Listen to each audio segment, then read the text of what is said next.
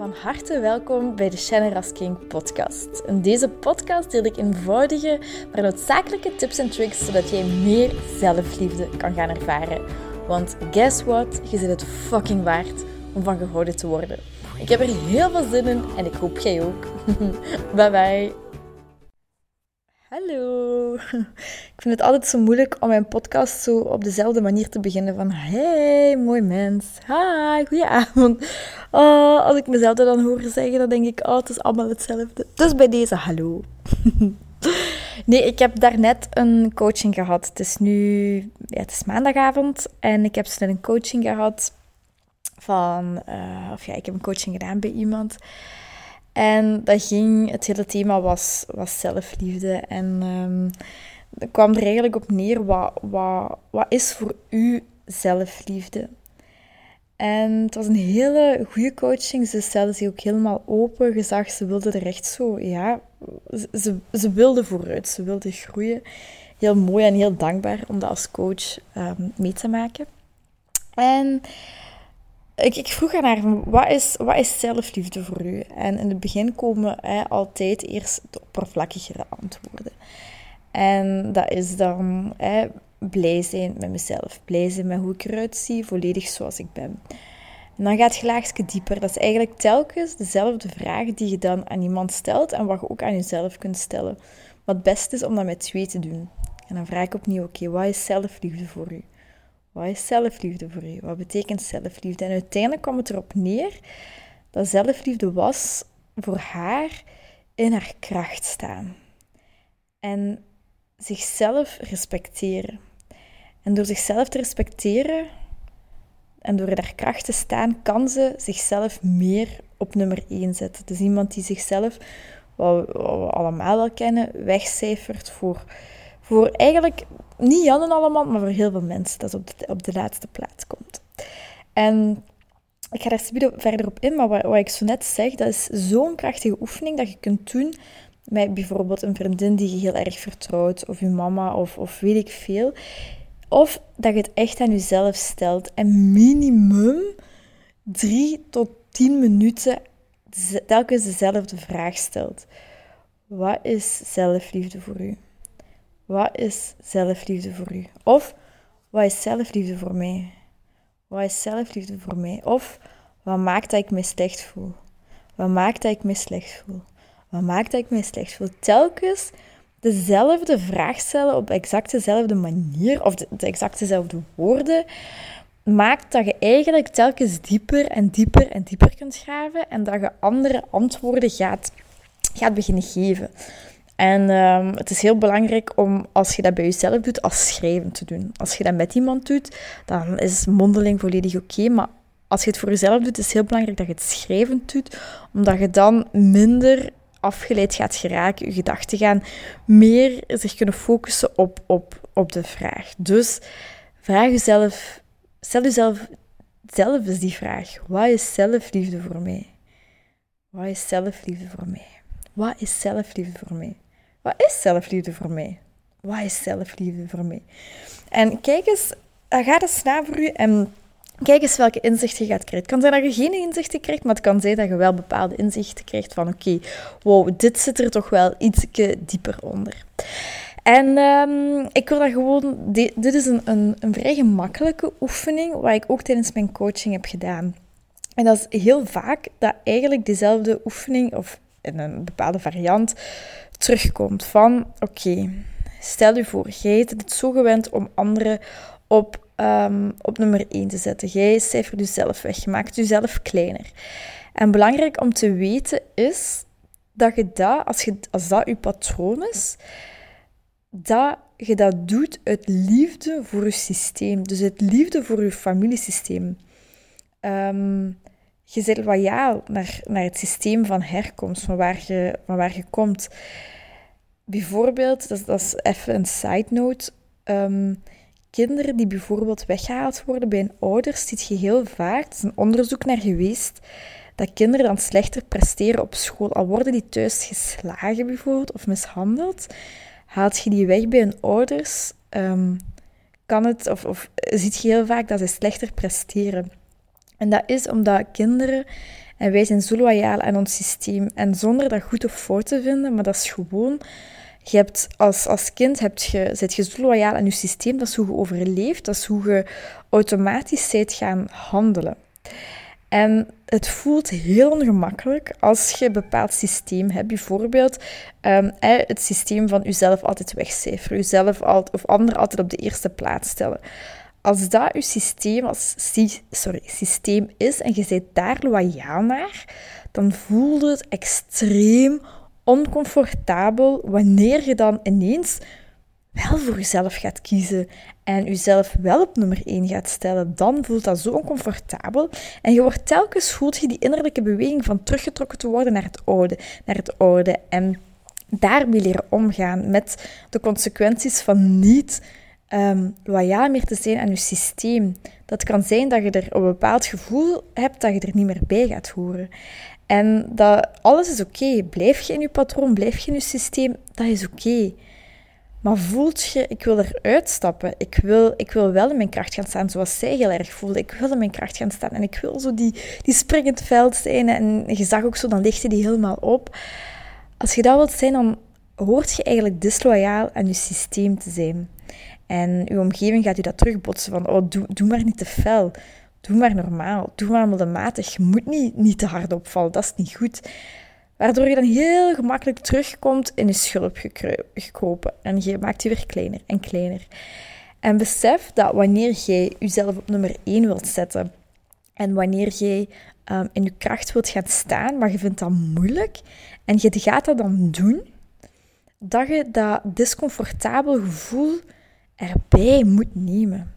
Dat hoort, is opnieuw twee kanten van dezelfde medaille. Je voelt langs de ene kant krachtig en goed in je vel en je staat er. En langs de andere kant voelt dat ook oncomfortabel, want mensen kunnen u bijvoorbeeld ineens niet meer leuk vinden. Uh, je kunt er bijvoorbeeld ineens niet meer bij horen, maar je gaat wel bij andere mensen horen. Je kunt niet meer, als je volledig in je kracht staat, je zit volledig jezelf, je zit in springend vel, etc., dan gaat je mensen ergeren mensen die daar niet tegen kunnen. Maar dat, dat is hun stuk. Maar je gaat niet meer zoveel mensen kunnen pleasen als je volledig in je kracht gaat staan. Het is heel gemakkelijk om mensen te pleasen en dat, dat is niet pijnlijk, dat is je klein houden, want je hebt geen uitgesproken mening en et cetera. Et cetera, dat is mijn stopwoordje blijkbaar, zijn mijn vriendinnen. um, dus weet dat, dat dat oncomfortabel gevoel er gewoonweg bij hoort en dat dat oké is. En als je jezelf wegcijfert, dat dat ook oké is. Dat als je jezelf niet op de, of op de laatste plaats zelf zet, dat dat ook oké is, omdat je dat uit liefde voor je systeem doet. En dat al accepteren, het is ook oké als ik mezelf op de laatste plek stel. Dat is oké. Mild zijn voor jezelf. En weet gewoon dat je de keuze hebt telkens om daaruit te stappen of erin te blijven. Uitstappen of erin blijven. En dat is telkens die beweging die je, die je moet afwegen. En hoe meer je uit je patroon stapt, hoe meer je in je kracht staat en hoe minder je ook daar naartoe getrokken wordt ehm, naar het oude. En er blijven triggers komen, er blijven triggers zijn die je naar het oude willen toetrekken, maar telkens opnieuw dat patroon doorbreken. Um, voor iets anders kiezen, voor jezelf kiezen, voor het leven kiezen, voor die vreugde kiezen, voor die speelsheid kiezen. Dat vraagt soms disloyaal zijn. Um, en een oefening daarvoor, wat een hele goede is, stel jezelf eens de vraag: oké, welk voorwerp geeft mij of is voor mij gelinkt aan kracht? Welk voorwerp in de ruimte of iets dat je kunt vastpakken of aandoen of iets, of een kleur, maakt niet uit. Wat, wat kunt jij linken aan kracht? En stel jezelf die vraag even. Zet eventueel op pauze, maar stel jezelf die vraag: wat is voor u kracht? En ik vind dat zelf ook een hele, allee, niet altijd gemakkelijk als ik er nu aan denk van oké, wat, zou, wat zou ik nemen? Ik moet ook even denken, dan zie ik hier bijvoorbeeld mijn bananenplant, dan zou ik, dan zou ik dat momenteel zeggen. Um, maar tegelijkertijd ook zo wat die vrouwelijke pluimpjes daar, zo bij. Dus dan moet ik even, even, ik ga dus even voor mezelf ook die oefening doen. Dus wat geeft u kracht? Wat linkt jij aan die kracht? En dan gaat je daar eens verbinding mee maken. En dat kan misschien heel gek klinken, maar zet je even rustig in een ruimte of op het toilet als dat niet gaat. Um, sluit je ogen, adem een paar keer diep in en uit en maak eens echt verbinding. Hou dat vast. Voel dat en maak verbinding. En stel jezelf de vraag: waar voelt jij nu die kracht in je lichaam? Waar voelt jij die kracht in je lichaam? En probeer het niet te overdenken. Probeer niet te veel rationele argumenten te, te nemen. Maar het kan zijn het eerste wat nu opkomt. Waar voelt je die kracht? Waar voelt je dat? Kom uit je hoofd en ga echt eens voelen. Oké, en als je dat voelt, vraag jezelf dan af: oké, welke kleur heeft dat lichaamsdeel als ik in mijn kracht sta? Wat, welke kleur heeft dat en waar voel ik dat? En maak daar ook nieuwe verbinding mee. En telkens um, hou je voorwerp vast en voel die kracht er wel in je, in je lichaam. En dat is een oefening die ik bij haar gedaan heb. Dat is nu misschien iets, iets moeilijk via hier. Maar ik vroeg dan, ah ja, kun je, eh, dat was een bepaald voorwerp, kun je dat voorwerp heel even aan de kant leggen? Gewoon heel nonchalant gevraagd. En zij doet dat.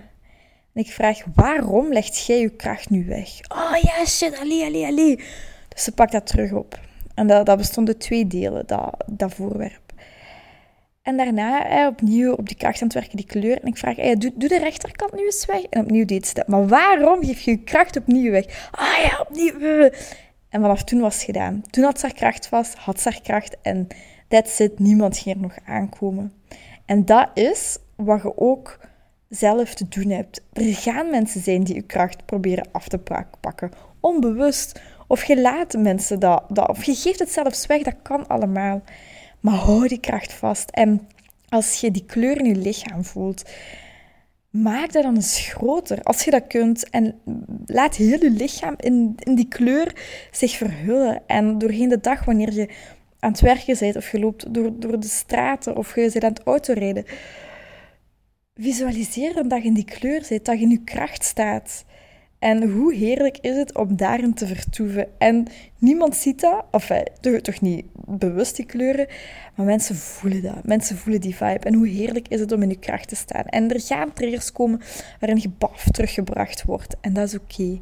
Mild zijn voor jezelf. Dat is liefde voor je systeem dat je dat, dat je dat doet. Maar je hebt de keuze tussen ik blijf in mijn systeem, ik blijf in mijn patroon, of ik, heb, of ik kies ervoor om eruit te stappen. En uh, door eruit te stappen kun je dan weer die kleuren visualiseren, dat voorwerp vastpakken.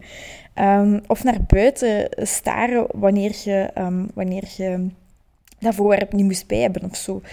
En kies buiten een voorwerp dat voor heel veel kracht staat en maak daar verbinding mee. Adem dat in. En bijvoorbeeld, als een bepaalde kleur is, zij had dan geel, om dan echt heel veel gele dingen te gaan kopen. Ik zeg maar een sleutelhanger, een blouseje, een, een golf, um, een ring, maakt niet uit. Dat, dat die kleur, wat, uw kracht vertegenwoordigt, dat dat aanwezig is. En daar verbinding mee maken. En dat geeft, dat is zoiets simpels eigenlijk, maar dat geeft zoveel ja, voldoening, ruimte. Um, en dat is gewoon heerlijk om, om zelf te doen. Dus voilà, een hele, ja, een, een, vrij korte oefening, maar dat is, ehm, ja, ik doe dat, doe dat zelf ook. Bijvoorbeeld, ik had tijdens een coaching en uh, mijn coach vroeg mij, oké, kijk naar buiten en, en wat staat voor u voor kracht? En ik zei, ja, die boom. En ik, ik had er, oh, het ging gewoon automatisch dat ik heel die boom inademde precies en dat ik er dan echt stond. En hoe je kunt weten of je eigenlijk te veel in je hoofd zit of dat je goed gegrond zit, is door bijvoorbeeld je ogen te sluiten en je voeten beide op de grond te zetten. En wanneer je beide voeten op de grond staan, jezelf eens afvragen: oké, staan mijn voeten op de grond? Zitten ze onder de grond of zweven ze zo wat boven de grond? En dat kan misschien een gekke vraag zijn, omdat je zegt, oké, fysiek staan ze op de grond, maar je voelt dat. Echt even gaan voelen met je ogen dicht van, oké, staan mijn voeten wel echt op de grond energetisch of zweven mijn voeten een beetje? En als je merkt, oké, ik zweef te veel, kun je bijvoorbeeld met je voeten op de grond stampen. kun je een natuurwandeling gaan maken. Geen oefeningen doen met bijvoorbeeld zwemmen of creatief bezig zijn. Nee, echt aarden en gaan wandelen en in de natuur zijn. En dat.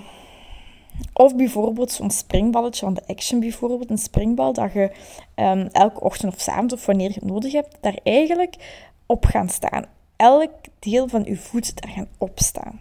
En daar zo, en dat doet op bepaalde plekken doet dat, doet dat pijn. Hè?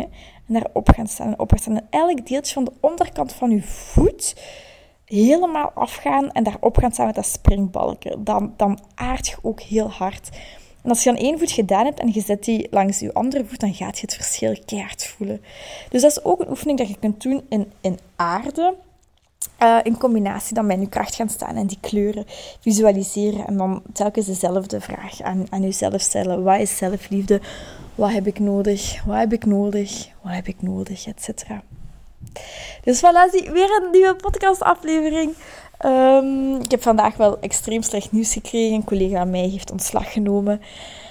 Oh man, ja, maar op de een of andere manier, ja, ik vond het echt heel, heel, heel kut. Um, maar ik ben er wel ja, gewoon goed mee omgegaan. Moet ik eerlijk zeggen, ik had het niet verwacht. Ik heb wel even geweend. Ik had echt zoiets van, oh my god, opnieuw, alweer. Dat is nu echt al de vierde.